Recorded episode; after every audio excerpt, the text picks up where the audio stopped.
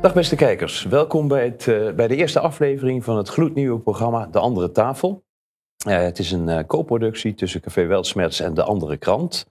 de enige krant in Nederland waar nog serieuze, vrije journalistiek, um, journalistiek bedreven wordt. En dat is nodig ook, want er is veel meer aan de hand dan de oude media ons willen doen geloven. en iedere week doet de andere krant verslag van de grote en de kleine gebeurtenissen die soms zo bizar zijn dat, uh, dat je de neiging krijgt om in lachen uit te barsten, als het tenminste allemaal niet zo serieus was. Zo lazen we bijvoorbeeld uh, vorige week in de rubriek Schijnwerpers uh, dat we tegenwoordig terecht kunnen bij een heuse klimaatpsycholoog. In een interview op de website van de Triodos Bank vertelt psycholoog Marieke Siepert dat veel Nederlanders zich zorgen maken over het klimaat en dat bij sommige mensen deze eco-emoties, zoals ze dat noemt, dusdanig hoog kunnen oplopen dat het hun uh, functioneren beïnvloedt. En uh, ja, als uh, vastplakken aan het asfalt of kunstwerken vernielen dan niet meer helpt, dan kunnen ze dus bij haar terecht. want ja, volgens haar kun je daar niet bij een gewone psycholoog bij terecht, want dan loop je het risico dat hij je niet begrijpt met zo'n groot levensthema, zoals ze het noemt. Nou, ehm, ik heb als therapeuten onder elkaar heb ik een tip voor Marieke. Soms kan het uh, heel erg therapeutisch werken door je cliënt een eenvoudig advies te geven, namelijk stel je niet aan. Vandaag aan tafel, aan de andere tafel, mijn gasten uh, Desiree Reuver, medisch onderzoekjournalist, welkom. Dankjewel. Uh, en natuurlijk Sander Compagne, oprichter en uitgever van, van de andere krant. Uh, ja, Sander, ik wil dadelijk uh, samen met jou nog eventjes wat uh, ingaan op uh, het idee achter het programma en wat de kijker kan verwachten. Maar als eerste wil ik jou even vragen van, ja, wat is jou eigenlijk opgevallen in de andere kant van deze week? Een heleboel. We hebben weer een bomvolle krant. Hè. We hebben begin over de propaganda. Alle westerse media die hebben het tegenwoordig over de, wheat, de meatwave die gaande zou zijn in Rusland. En wat opvalt is dat je dat in allerlei verschillende media ziet terugkomen. dus dat is, um, de oorlog in Oekraïne gaat niet zoals gepland. Dus de propaganda gaat een niveau hoger. We verbazen ons nog steeds wekelijks hoe ver dat gaat. We hebben heel veel over het WHO. Twan de Graaf heeft twee pagina's. Wordt het een regeling of wordt het toch uh, een verdrag? En wat zijn de implicaties? Maar wat ik leuk vind om te melden, we hebben een interview gehad met Patrick Kikker. Dat is een oud DJ van Veronica. De man ja. was heel succesvol, was heel rijk, roem, uh, vrouwen, had alles ontdekte van, maar ik word er niet gelukkig van. Nou, hij ontdekte toen de Oosterse filosofie, de Advaita Vendata. En hij is naar binnen gegaan en hij heeft zijn levensgeluk teruggevonden. En ik denk in deze moeilijke tijd is dat ook heel belangrijk dat we dit soort verhalen, hè, waar mensen door geïnspireerd kunnen raken, hè, dat we die blijven delen. Dus, um, dus ik wil vooral dat artikel deze week aanraden. Oké, okay, oké. Okay. Dat staat dus in de andere krant die, uh, die, die dit weekend op de deurmat ploft, als het goed is. De krant die gisteren bij de mensen op de deurmat is gevallen ja. en komende dinsdag in de winkels ligt, daar staat dit artikel in. Ja. Oké, okay, nou dankjewel. Desiree, is jou ook iets uh, bijzonders opgevallen?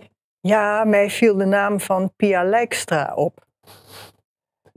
en ik vind dat een hele enge juffrouw. Ja. Want die heeft een enorme fascinatie voor de dood. Ze heeft ons allemaal orgaandonor gemaakt, mm -hmm. zonder dat we dat willen. En ik raad ook iedereen aan om de keuze 2 in te vullen in het register. Want er wordt niet bij verteld dat een hersendood figuur, hersendood verklaarde patiënt, dat die nog leeft en alleen nog niet meer kan ademen. Maar ja. je kan wel bijvoorbeeld een, een zwangerschap voldragen. Wat, wat is optie 2? Wat is dat? Je zegt net, ik raad iedereen aan om optie 2 aan te kruisen. Wat... Oh, optie 2 is nee zeggen. Nee zeggen, oké. Okay. Ja, dus dat viel mij op. Ik uh, ben het helemaal met je eens. Uh, ja, Sander, even huishoudelijk van aard. Uh, ja, wat kunnen kijkers verwachten? Wat was het idee achter het programma? En iedereen kent natuurlijk de andere kant als papieren krant. Ja. Hè? Dat maakt de krant ook uniek. Want nogmaals, de enige echte krant waar vrije journalistiek wordt bedreven. En op papier is de andere kant. Vanwaar nu ook een videoprogramma? Nou, eigenlijk werken wij al sinds de allereerste editie van de andere krant samen met Café Weltschmerz. De eerste editie was in maart 2018, die ging over Rusland. En toen kreeg ik een podium bij Café Weltschmerz om toe te lichten waarom wij met die krant zijn begonnen. Ja. Sindsdien is dat heel vaak het geval geweest. Nou, Café Weltschmerz is natuurlijk nu ook met een herstart bezig. En wij willen ook verdieping brengen op het nieuws. Um, artikelen in de krant, uh, ze zijn uitgebreid, en, maar toch soms ook af en toe fragmentarisch. Hè. Er is nog veel meer te vertellen over heel veel van deze onderwerpen. Dus we hebben samen met Café Weltsmest initiatief genomen om iedere week een onderwerp dat veel aandacht heeft in de krant, of dat die week in de krant is gekomen, om dat hier te verdiepen. Daarbij iedere keer een gast uit te nodigen die expertise op dat onderwerp heeft en ons kan vertellen wat achterliggende agenda's zijn of wat verbanden zijn. En um, van daaruit dat we dit beginnen, wat ik ook wil vragen aan de kijkers. Hè, wanneer jullie onderwerpen heel graag behandeld zouden zien aan deze tafel, laat het ook weten in de comments. Hè. Er is heel veel. we hebben besloten dat we tot de zomer dit programma gaan maken. Mhm. En ik denk dat het heel fijn is en ook dat het heel goed is dat we samenwerken. De krant en Beltschmerz. En dat de vrije media uh, zoveel mogelijk de samenwerking zoekt. Want dat is broodnodig. En daar zit een heel mooi voorbeeld van, volgens mij. Nou, zeker. Oké, nou dankjewel. Um, ja, dan, uh, zoals je net al zei, hè, de bedoeling is dat we iedere week even een onderwerp eruit lichten. Een onderwerp uh, dat niet alleen in de andere krant actueel is, maar eigenlijk ook leeft onder, onder mensen en in de andere media ook aandacht krijgt. En uh, ja, uh, een onderwerp dat veel stof doet opwaaien, niet alleen nu, maar vorig jaar eigenlijk ook al, is de zogenaamde Week van de Lentekriebels. Dat is een, uh, een seksueel voorlichtingscampagne, seksuele voorlichtingscampagne, die de overheid in samenwerking met de Rutgers Stichting ehm, ehm, op, heeft bedacht voor uh, basisschoolleerlingen. Hè? Dan praat je over de leeftijd van 6 tot 8 jaar ongeveer. Hè? Wat is dat? Groep, vier, groep, vier, van 4 tot 12. Of van 4 tot 12, dus ja. iets, iets ruimer dan, dan dat. Ja, en vorig jaar heeft, heeft de andere kant daar ook aandacht aan besteed. ook toen ja, leverde het flink wat verontwaardigingen op bij bepaalde mensen, met name ook ouders. En uh, daar werd dan weer vanuit de, de reguliere media op gereageerd. dus er werd een beetje moddergevecht, uh, Sander, dat kan je nog herinneren. Ja, zeker. we hadden toen het programma uh, Pointer, dat is een NCV-programma volgens mij. Ja, dat, dat, dat, zichzelf presenteert als, als een programma dat nou ja, complottheorieën ontrafeld of iets dergelijks, zo zou je het mogen zeggen. Ja, een uh, onderzoeksjournalistiek programma, maar ze houden zich heel erg bezig met uh, com, zogenaamde complotten. Ja. En ze zijn heel erg bezig om uh, al het tegengeluid of alle nuance die er wordt gebracht, om daarop te reageren. Ja. En dat gebeurde ook vorig jaar, na alle commotie die ontstond. Ja. de misinformatie, hoe misinformatie de online haatmachine tegen de week van de lentekriebels op gang trok. Ja. Dus het zijn hele ja. bijzondere woorden die gebezigd worden. Ja, ik heb het artikel hier. Het is een vrij lang artikel. Ik heb het even uitgeprint. Het is geloof ik een, een A4'tje of, of acht. Ik heb het even doorgenomen. Uh, en ja, ik vond het vrij verbazingwekkend. Uh, omdat uh, ja, alles wordt uit de kast gehaald om, uh, om, het, om de kritiek op die Lentekriebelsweek in discrediet te brengen. Hè. Er wordt zelfs letterlijk gezegd van ja, het is opgepikt door populisten met de bedoeling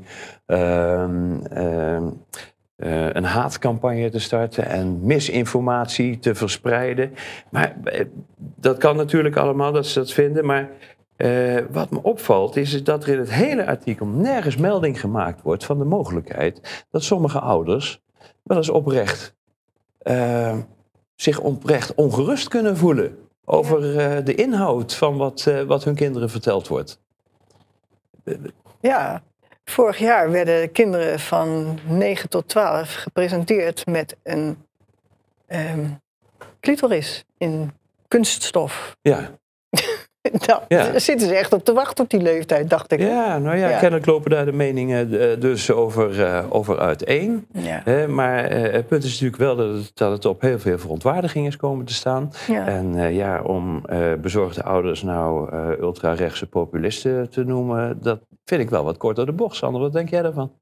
Nou, ik vind het heel kwalijk, hè, want mensen maken zich zorgen. Ja. Hè, en ik denk dat ze zich met recht, ze maken zich zorgen om de kinderen, toch het grootste goed. Hè.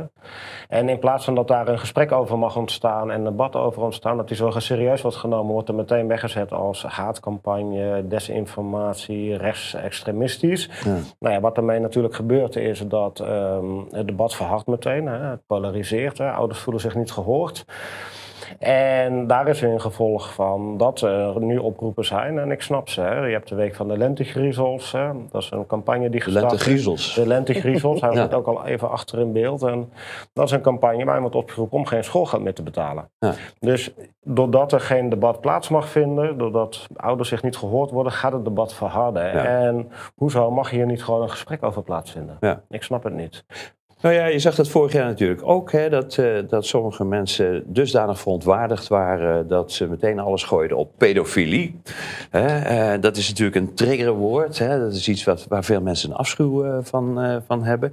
Ik heb die campagne van vorig jaar even doorgenomen. Ja, je zou je zou kunnen zeggen dat daar op gehind uh, wordt. Mm. Uh, je zou ook kunnen zeggen dat daar dan van geleerd zou moeten zijn. Als ik de campagne van dit jaar dan bekijk, dan zie ik daar tekeningen in staan en denk ik, ja, weet je, dat had niet per se gehoeven. Hè? Je ziet bijvoorbeeld een tekening van een volwassen man met een erectie.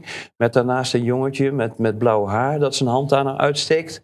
En als je dan niet wil dat je beschuldigd wordt van dit soort zaken, waarom zou je dan uh, dit soort tekeningen uh, in de campagne stoppen? Ik vind het merkwaardig. Nou ja, de achtergrond van Rutgers is eugenetica en pedofilie. Licht toe. Als je naar de historie van um, Rutgers kijkt, op hun eigen website, ja. dan staat daarin dat uh, zij lange tijd uh, in een andere vorm, hè, er was zo'n stichting Rutgers, of hoe ze dan ook op dat moment heette, precies, um, die had de kinderpornoverzameling van meneer Brongersma in beheer.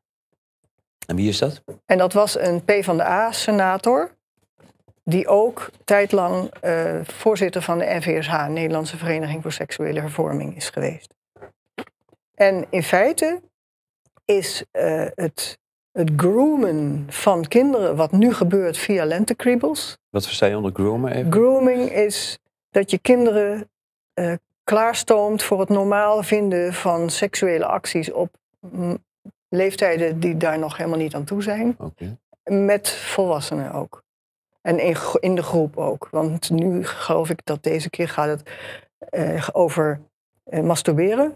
En dat jongetjes dat ook gezellig samen kunnen doen. Ja, hoorde dat bij deze campagne? Dat hoorde bij deze van, van dit de, jaar. Ik, kijk, de, Een van de, de, de, de, soorten kritiek die het programma uh, Pointer of Pointer uitte vorig jaar... was dat degenen die kritisch waren dat hij er van alles bij haalde wat helemaal niet bij de Week van de Lentekriebels hoorde. Zoals bijvoorbeeld Thierry Baudet, die haalde een lesboekje aan dat uh, niet specifiek bij het lesmateriaal van die uh, Week van de Lentekriebels hoorde.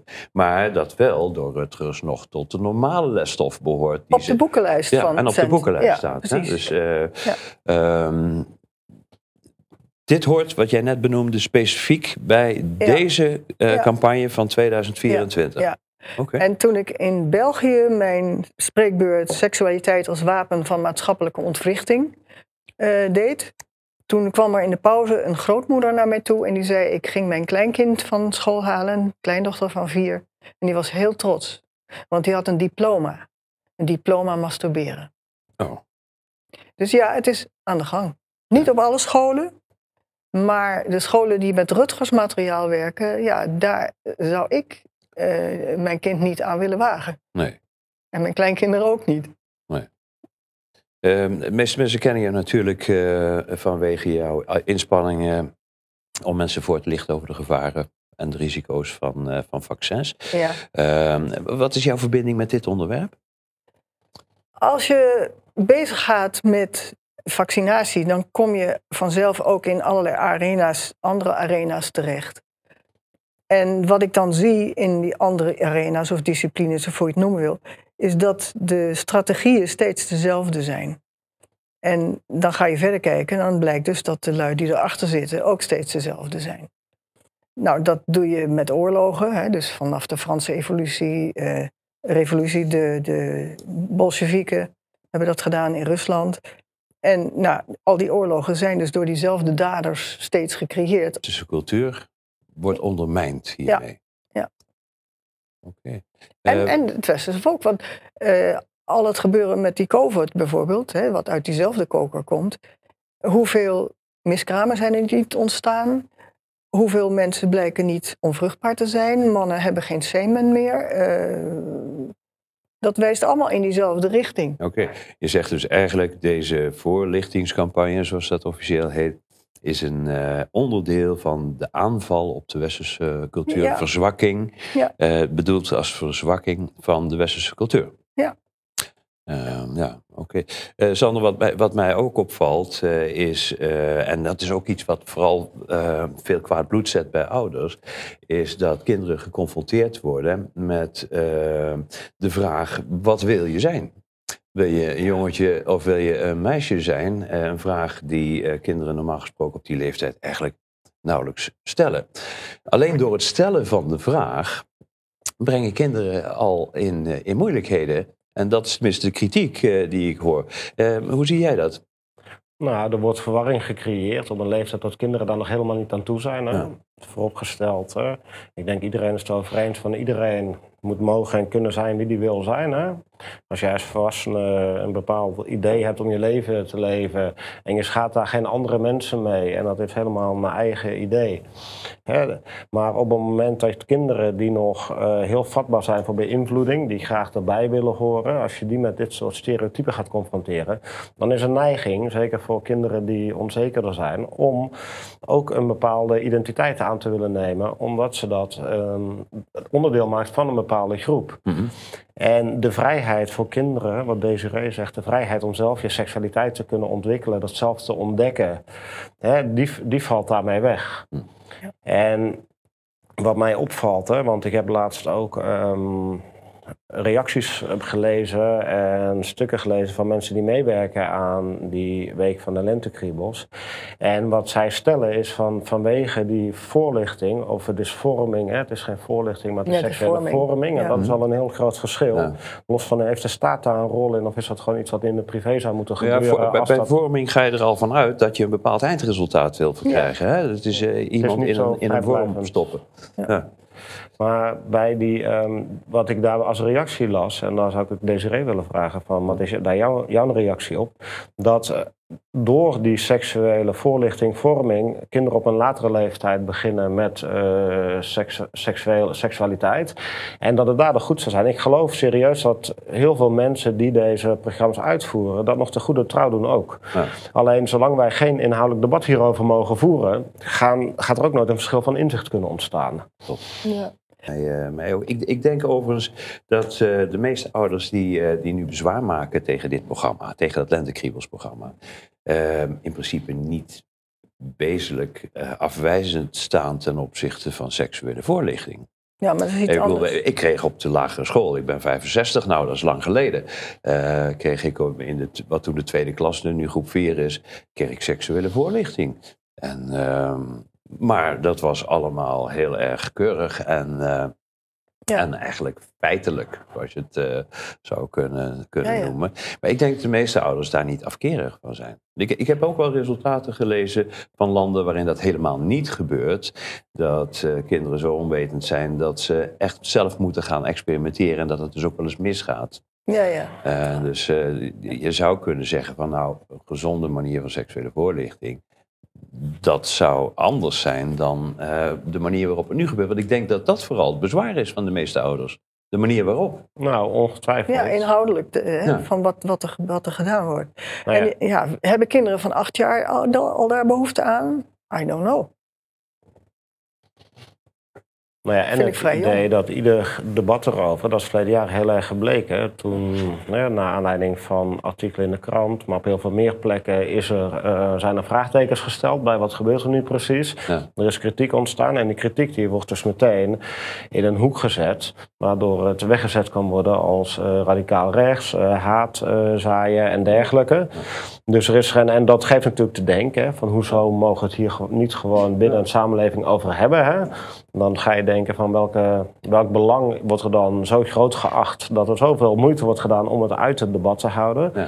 En daarnaast is het zo, en daarvan kunnen we ook nog wat delen bij de video, Um, er zijn WHO-programma's waarin het ook heel erg gaat over seksualisering van kinderen. Er zijn VN-documenten waar het gebeurt. Dus er is wel degelijk, hè, waarom is de Verenigde Naties bezig met uh, seksuele vorming en seksuele voorlichting? Hè? Uit de ontstaansgeschiedenis van de Verenigde Naties lijkt, dat, lijkt er geen enkele logische reden voor. En ook de WHO, hoezo heeft de Wereldgezondheidsorganisatie een rol al jongere kinderen um, te betrekken bij seksualiteit, hè, wat gebeurt. Dus, en Desiree die heeft dan een duidelijke mening van, hè, van wat de achterliggende agenda is. We kunnen dat niet uitsluiten, maar we zien in ieder geval wel dat het gebeurt en dat het geïnstitutionaliseerd is, hè, dit soort praktijken. Er zit een grote plan achter. Ja. Waarom heeft de Verenigde Naties of het ja, de WHO anders uh, dit soort documenten vrijgegeven, dit soort directieven aan landen gegeven? Nou ja, in feite is de VN en de WHO zijn Rothschild-instrumenten. Hmm. De Rockefellers, hè? dat is de, de, tweede tier onder de, in, de machtspyramide. Hè? Heb je Rockefellers boven, daaronder hangen de, de, de, de, Rothschilds boven en de Rockefellers hangen daaronder. Ja die hebben dat gebouw van de VN uh, eh, en het land uh, gedoneerd en zo. Dus, ja. Nou ja, kijk, als je het zo ziet en je overziet het, uh, dan kun je denk ik nauwelijks ontkennen dat er in ieder geval een grotere regie boven zit. En dat iemand die regie ehm, bedacht heeft mhm. en uh, ook uh, handhaaft op de een of andere manier. Dus je hebt daar sowieso een, een, vorm van machtsstructuur voor nodig om dit uh, wereldwijd, in ieder geval in de westerse samenleving, te kunnen uitrollen. Ja.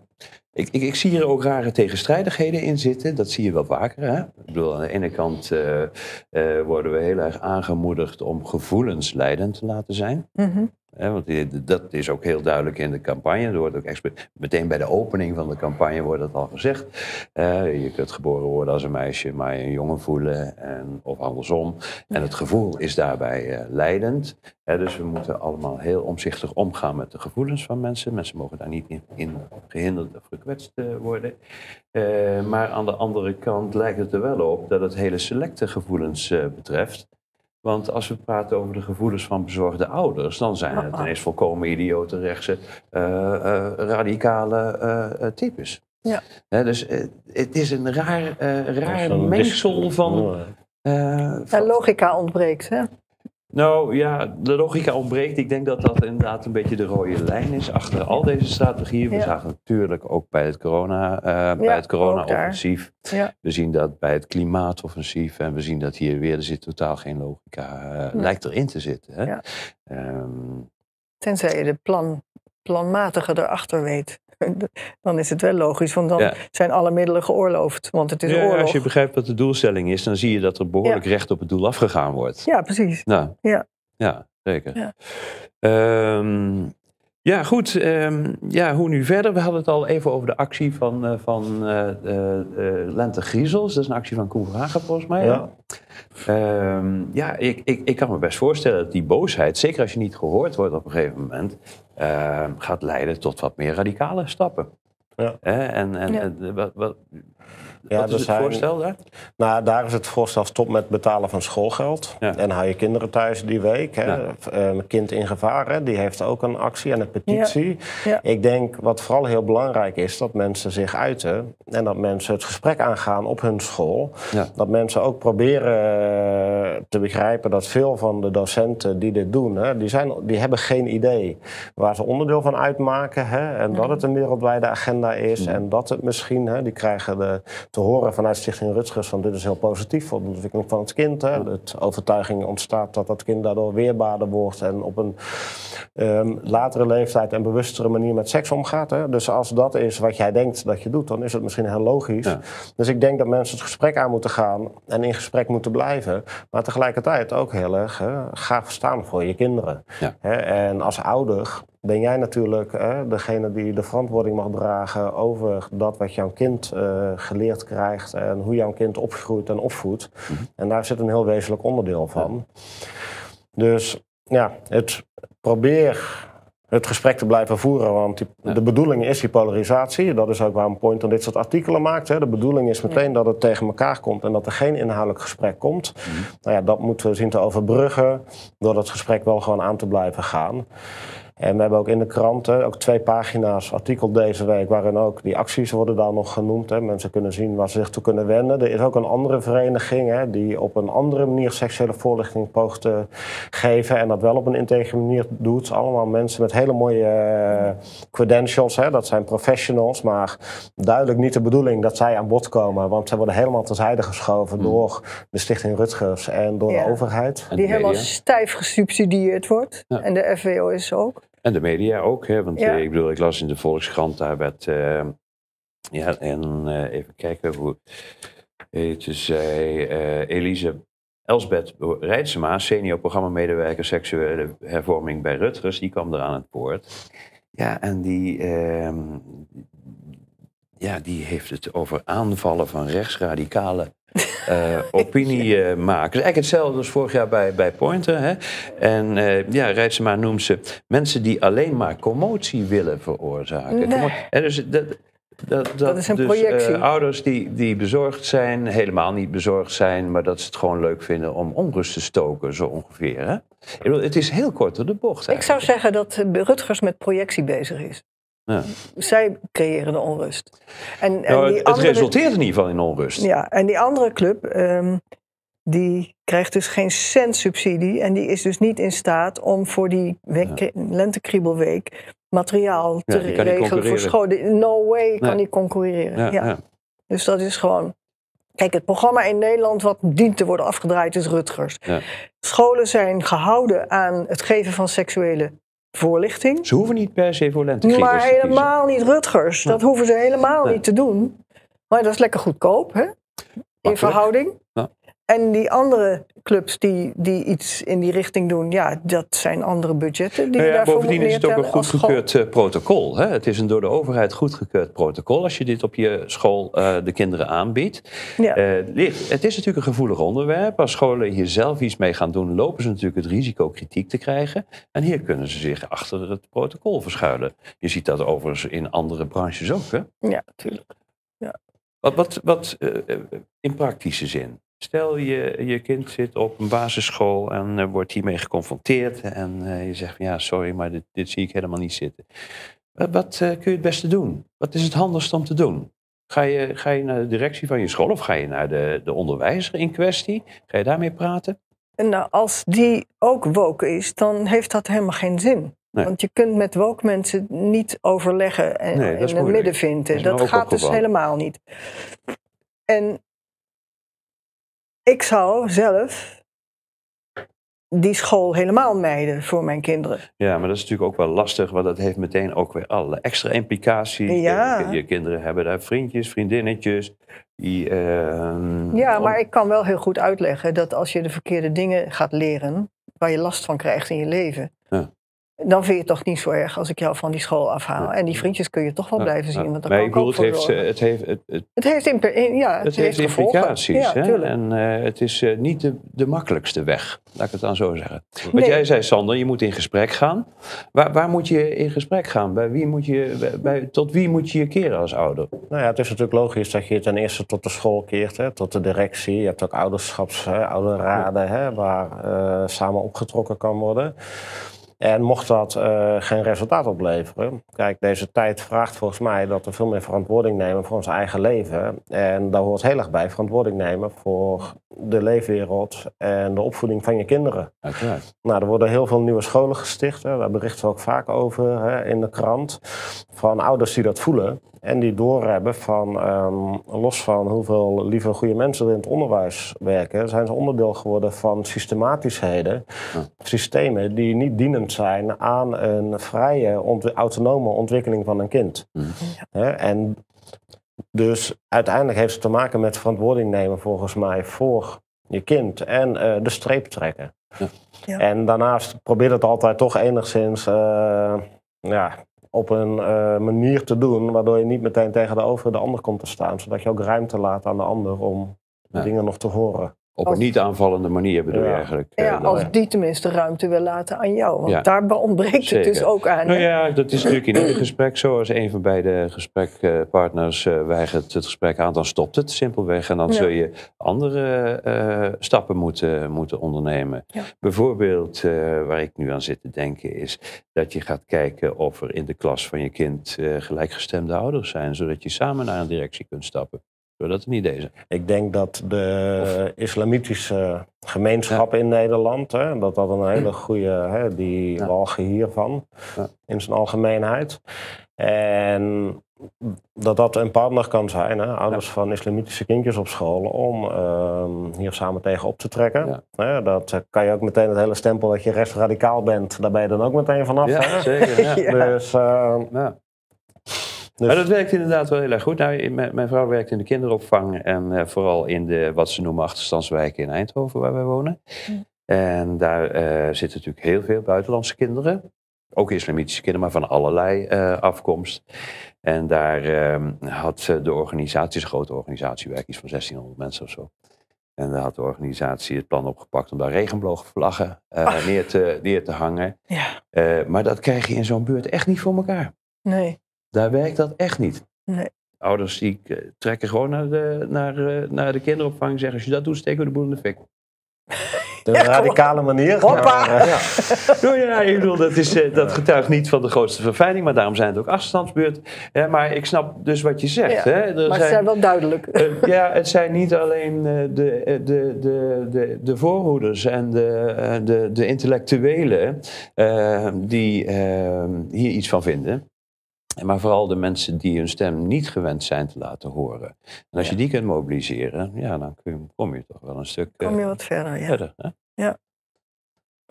ja. Ja. Maar het is... Er is informatie dat in feite die grooming die nu dus plaatsvindt via Rutgers van jonge kinderen, dat dat eigenlijk al ook een opstap is naar het neutraal maken van pedofilie.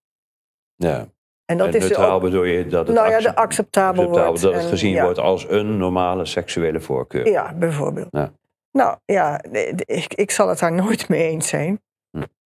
En, nee. Ik denk heel veel ouders ook niet. Nee, klopt. Met dat, dan, ik vind het nogal een ambitieus plan, hè, omdat het, het, het, ehm, het, begrip pedofilie roept, roept uh, alleen het woord al, roept zoveel aversie op ja. bij, bij ouders. Dat, uh, dat het toch wel een hele slimme campagne zou moeten worden. Wil dit algemeen geaccepteerd worden? Ja, denk ik. ja daarom noemen ze dat niet, maar het is wel het eindpunt. Ja, Het is wel de bedoeling.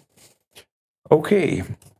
Uh, ja, nog iets toe te voegen hierover? Uh, volgens mij hebben we wel het meeste ja. benoemd. Hè? We hebben de belangrij belangrijke dingen aangesneden. Ja, ja. oké. Okay. Uh, ja, nou, we zouden bijna vergeten, het is weekend. Ja.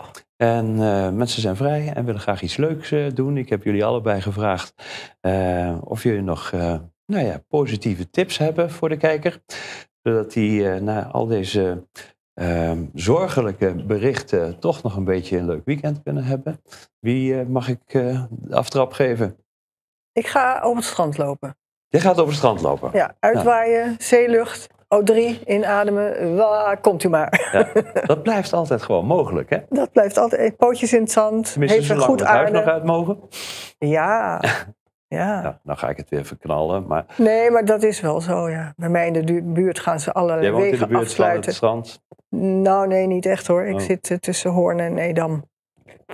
Maar het is, uh, daar gaan ze allerlei wegen afsluiten in verband met een viaduct wat moet worden hersteld of, of opnieuw gebouwd. En dan hebben ze alle sluipwegen ook dichtgegooid. Dus ik weet niet of ik nog weg kan. Nou ja, het weer lijkt beter te worden, dus eh, jouw tip is geniet ervan. Ja, Daar komt ik het eigenlijk op neer, hè? Ja. Ja, Sander? Ja. Nou ja, wat ik even wil noemen, in de tweede katern van de krant hebben we iedere week de andere agenda. Ja. Dus wij hebben iedere week een aantal tips van mensen van eh, waar kan je naartoe. En we proberen, hè, want de onderwerp, het onderwerp wat we net besproken hebben, ja, het is, totaal niet prettig om het daarover te moeten hebben. Hè? Die willen het liever hebben over andere zaken. En ehm, als je je dan gaat verdiepen, wat Desiree heel erg gedaan heeft in van waar komt dit vandaan, ja, dan wordt het helemaal een heel uh, verschrikkelijk na verhaal. Ja. Alleen wij geloven, we kunnen er niet van wegblijven. Wat het ook allemaal voor hè, gedoe oplevert hè, van zo'n pointer of de kwalificaties. We, zullen het, we voelen gewoon een opdracht om dat te doen. Maar we voelen ook een opdracht om het ook over de mooie dingen in het leven te hebben. Of de ontwikkeling. Het is ook een tijd van positiviteit, van nieuwe initiatieven die uh, gestalte krijgen. Mensen die zelf wel die verantwoordelijkheid nemen. Dus het tweede katern van de krant, dat noemen we Samen Leven. En we hebben deze week een heel mooi artikel over een nieuw gezondheidsplatform. Wat in Amsterdam door de werkgroep uh, Nieuw Amsterdam wordt opgericht. Holistische gezondheid, alle eh, disciplines die daar samenwerken, de patiënt veel meer centraal.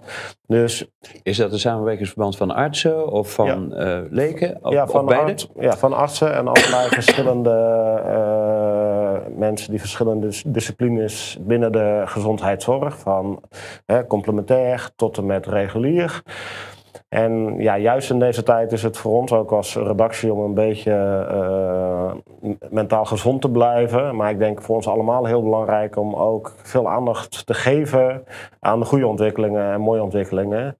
Dus vandaar dat ik dit ook nog even wilde noemen. Ja, oké. oké.